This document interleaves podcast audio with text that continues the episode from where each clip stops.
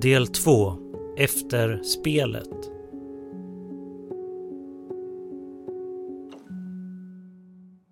Du eh, var tidigt en av dem som berättade. We welcome you to democracy now.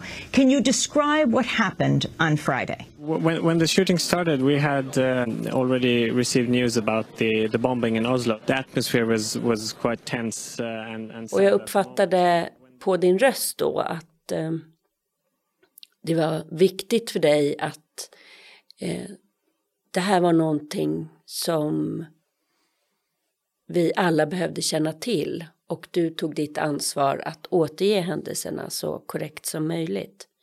Varför var det viktigt mm. för dig? Ja, men det var så att jag i princip omedelbart fattade det beslutet att jag, jag skulle eh, prata så mycket som, som det bara gick. Uh, och det var ju flera sammanhängande uh, skäl, eller uh, det var flera skäl till det.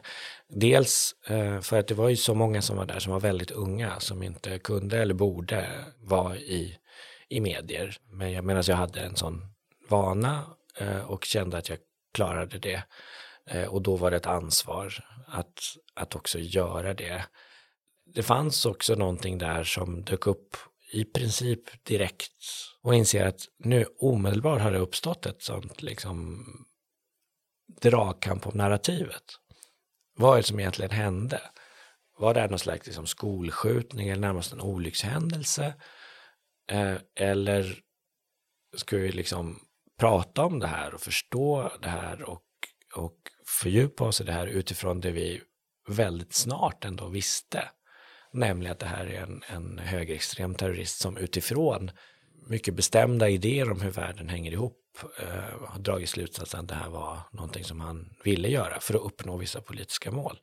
Den dragkampen om eh, förståelsen eh, pågick sen eh, i Norge och också i Sverige. Hur uppfattade du Norge under de där dagarna eh, som kom? Ja, det, fann, det fanns ju en, en, ändå en liten öppning i det norska politiska samtalet för att prata mer om, om högerextremism och islamofobi. Um, som jag tror vi var många som ändå närde vissa förhoppningar, möjligen naivt, om att det skulle då ändra lite karaktären på diskussioner om de här eh, temana. Men, eh, men jag tror det blev ganska tydligt ganska fort att eh, det var en ganska begränsad öppning och att saker och ting eh, snabbt återgick till en, eh, till en situation där det var svårt eller omöjligt att eh, prata om det här eh, som eh, en politisk begriplig händelse som, som kräver en bredare förståelse av begrepp som ansvar och påverkan. Det vill säga om man, om man pratar om högerextremismen, om man pratar om islamofobin som har varit liksom där och bubblat i, i, i det norska samhället, det norska samtalet, så är det viktigt för att förstå det här dådet och försöka tänka kring det och kanske försöka göra något så att det minskar risken för att sånt händer i framtiden. Eh, och det betyder inte att man då, om man pratar till exempel om liksom etablerade högerpopulistiska partier som Fremskrittspartiet och deras roll för det politiska samtalet så är det ingen anklagelse om att Fremskrittspartiets ledning eh, eller eh, dess eh, liksom medlemmar och väljare på något sätt måste liksom sättas i fängelse för, för att det här har hänt eller att de har ett juridiskt ansvar för det som har hänt. Men utan vi pratar liksom om det politiska ansvaret, samhälleliga ansvaret för att leva så bra som möjligt tillsammans. Ehm, men det, det var väldigt svårt att göra i, i Norge. Det var mycket lättare att ha den typen av diskussioner utanför Norge, till exempel i Sverige.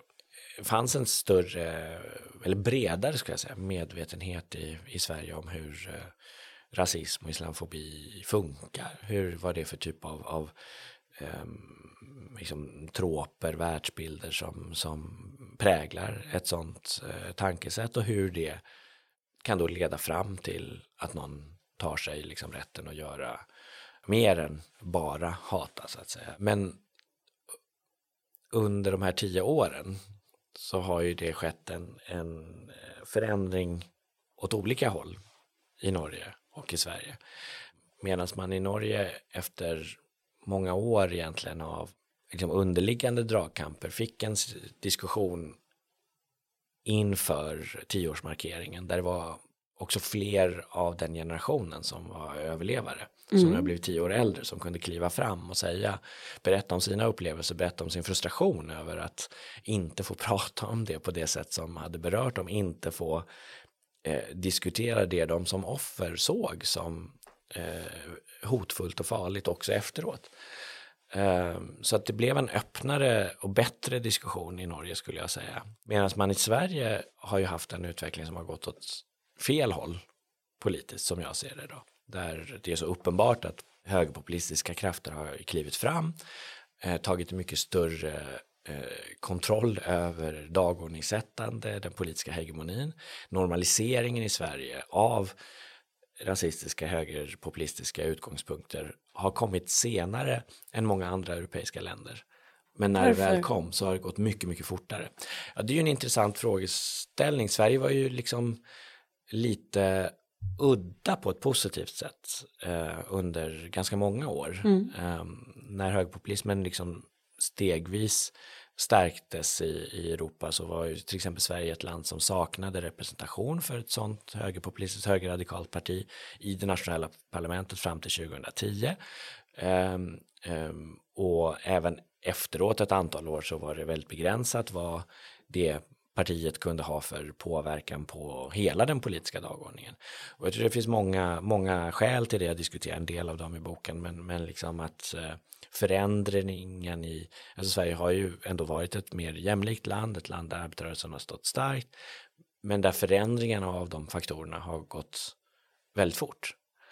Och det får också med sig en förändring av det politiska, politiska landskapet där den stora händelsen egentligen är ju hur den etablerade borgerligheten eh, bryter ner sina egna vallar eller barriärer gentemot ett parti som Sverigedemokraterna, den rörelse som den står för. Vi ser runt om i Europa den samma händelseförlopp där, eh, där det politiska landskapet ändras eh, mest liksom synligt i och med just att den, eh, den traditionella högern ändrar sitt förhållningssätt till högerpopulistiska högerradikala krafter. Eh, och nu sker det i Sverige också, men det har skett med en slags ketchup-effekter väldigt, väldigt snabbt. Eh, väldigt dramatiskt. Nu hänger man knappt med om man tittar på ett uttalande från ledande moderater eller kristdemokrater.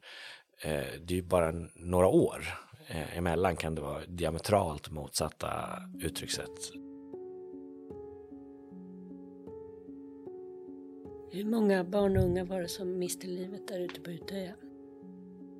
Och då var det ju väldigt oklart men eh, eh, det var ju 69 som, som miste livet där och många fler som var, som var på sjukhus då som blev eh, svårt, eh, lätt eller svårt skadade. Berätta om vad som hände mor Utöja. Hon var en av de, hon var den första som sköts ihjäl av Breivik eh, när han klev i, i land i sin polisuniform. Han hade ju sagt att han var där för att informera om eh, säkerhetsläget efter eh, explosionen i Oslo som alla hade fått med sig. Så hon, hon blev skjuten. Tror hon anade något? Ja. Det, det verkar så. Eh, att hon åtminstone verkar ha tänkt att nej, nej, du får inte komma och skrämma barnen så här med, med vapen och så. Men möjligen också, eh, kanske troligen anade att det här är inte helt rätt.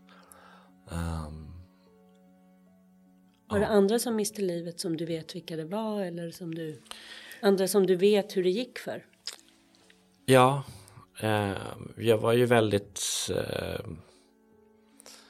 eh, intresserad av att veta hur det hade gått med de personer jag såg som var skadade. Eh, och den tjejen som jag såg först som hade skottskador i, bland annat i munnen. Eh, jag kunde inte, jag tittade i, liksom varje dag på, i tidningarna där det liksom publicerades bilder på de som hade mist livet och det var liksom bekräftat. Eh, och kunde inte avgöra, är det här någon av dem eller inte? Då?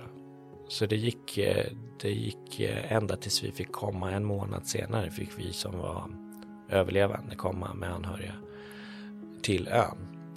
Och då i likhet med alla andra så gick jag ju runt och tänkte här gick jag, vilka andra var här och försökte liksom rekonstruera. Och när jag stod på den platsen så var det också flera andra eh, personer som stod där. Och då var det en, eh, en kvinna som jag också kände lite grann via, via mitt arbete som sa, ja men min dotter var här. Och jag tror att eh, hon var med och tog hand om den här tjejen som du pratar om. Och så sa hon tjejens namn som jag antecknade och började googla direkt. Då.